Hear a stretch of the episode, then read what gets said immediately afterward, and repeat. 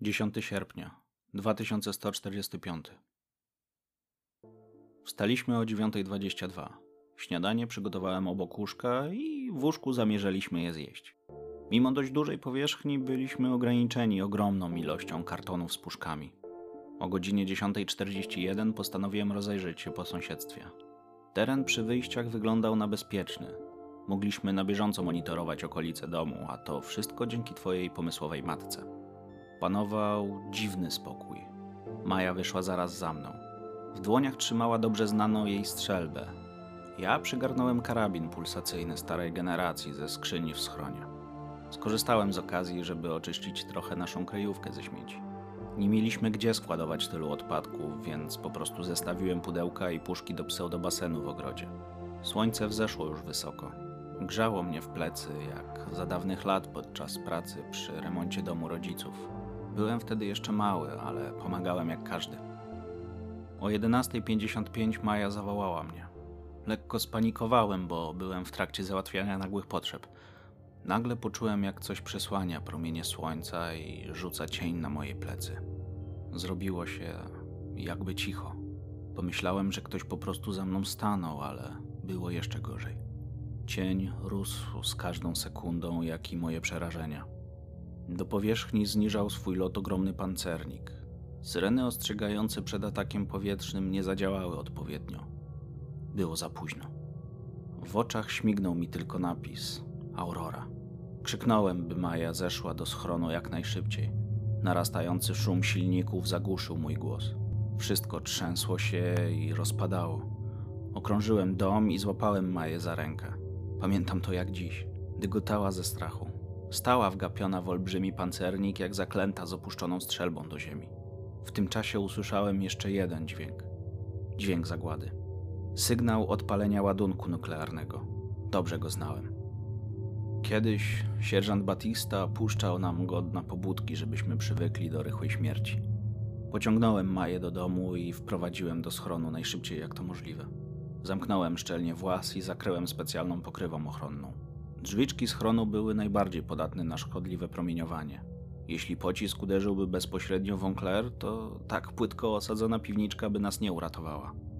Celem okazało się Minneapolis i założona tam nowa baza wojskowa Stanów Zjednoczonych. Myślałem, że może coś uda mi się zobaczyć na obrazie z kamer. Po kilku sekundach zrobiło się wyjątkowo jasno. Nic nie widzieliśmy. Potem kamerka zamontowana na zewnątrz spadła. Nie wiedzieliśmy, czy już po wszystkim. Dziś mogę powiedzieć, że krater powstały po wybuchu sięgał kilku kilometrów średnicy, a cała strefa została skażona. Etune był najważniejszym urządzeniem, jakie posiadałem, które pomogło mi zrozumieć. To, co uczyniliśmy sobie samym, było przerażające. Sami na siebie zrzuciliśmy te bomby. Obraz z kamer na zewnątrz przestał przekazywać sygnał. Przypomniało mi się, że Jeff trzymał w swojej magicznej skrzyni kombinezony ochronne, ale było za wcześnie stanowczo za wcześnie na wyjście. Przytuliłem mocno Maję i modliliśmy się do Boga o przetrwanie. 11 sierpnia 2145 Ziemia i ściany schronu nadal drżały od potężnych eksplozji. Czuliśmy to.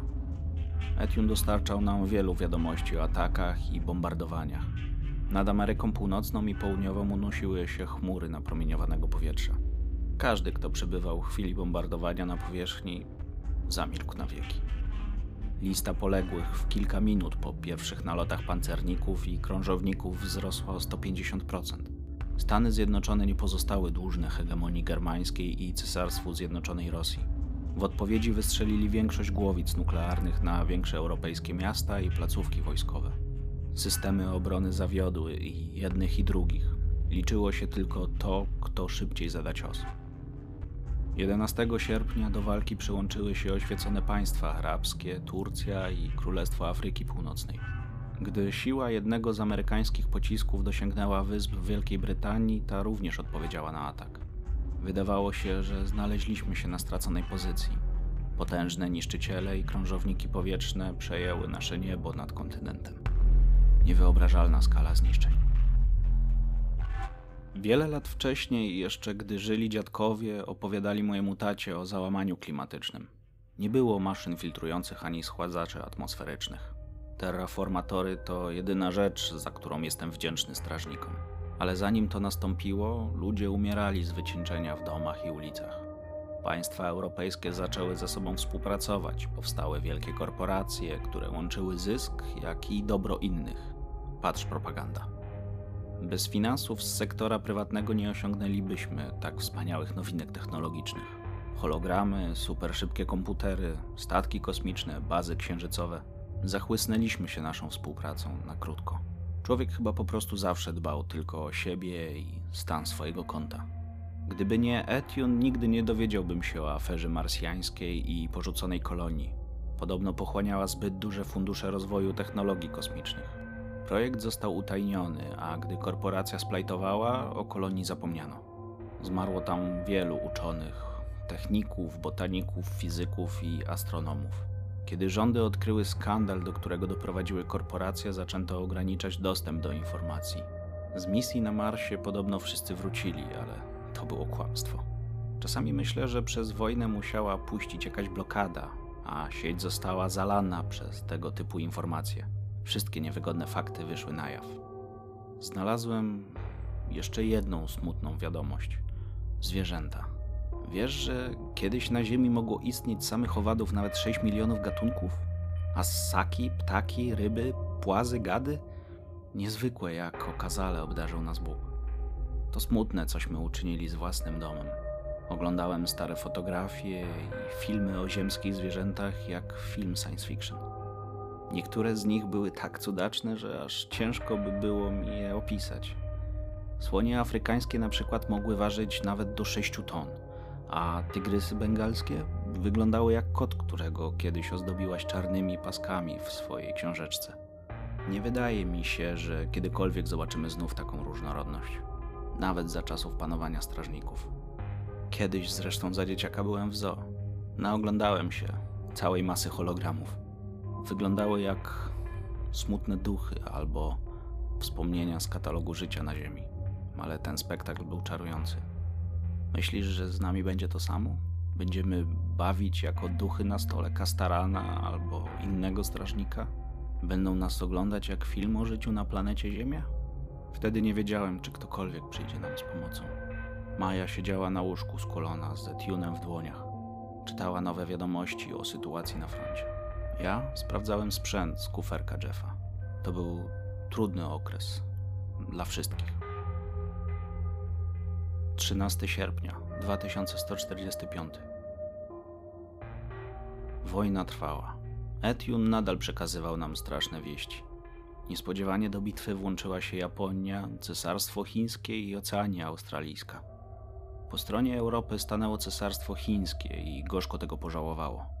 Wtedy światem rządziły korporacje i zawierane pakty między nimi. Japonia, a raczej olbrzymia firma technologiczna, która popierała sprawę Stanów Zjednoczonych, zmasakrowała chińską flotę powietrzną, a Oceania Australijska zajęła ich wszystkie porty nadmorskie. Desant pochłonął wiele istnień. Bitwa trwała do białego rana. Umocnienia wybrzeża Cesarstwa Chińskiego broniły się dzielnie, ale w końcu musiały upaść. Wykazali się ogromną odwagą i siłą. Niestety nastały czasy presji i szybkiego działania. W akcie desperacji cesarstwo zbombardowało całe wybrzeże, pochłaniając 40% floty morskiej Oceanii Australijskiej. Na wieść o poświęceniu własnej armii wewnątrz państwa wybuchła wojna domowa. Krążowniki powietrzne Japończyków nie rozróżniały zwolenników i przeciwników. Większe miasta i stolica zostały zrównane z ziemią w ciągu jednego dnia. Ilość zabitych liczono w milionach. Stany Zjednoczone broniły się zaciekle, Baza wojskowa w San Francisco wysyłała do bitwy kolejne niszczyciele i krążowniki w odwecie za zbombardowane miasta, m.in. Minneapolis. Na nasze nieszczęście na niebie królował pancernik Aurora z prototypowym napędem i uzbrojeniem, który widziałem pierwszego dnia. Europejskie media zamieszczały w sieci Etune chwalebne reportaże i komunikaty odnośnie wygranych potyczek tej potwornej machiny. Razem z Mają wiedzieliśmy, że każdy dzień może przynieść nam śmierć. Patrzyliśmy w sufit, jakbyśmy obserwowali niebo. Po prostu czekaliśmy.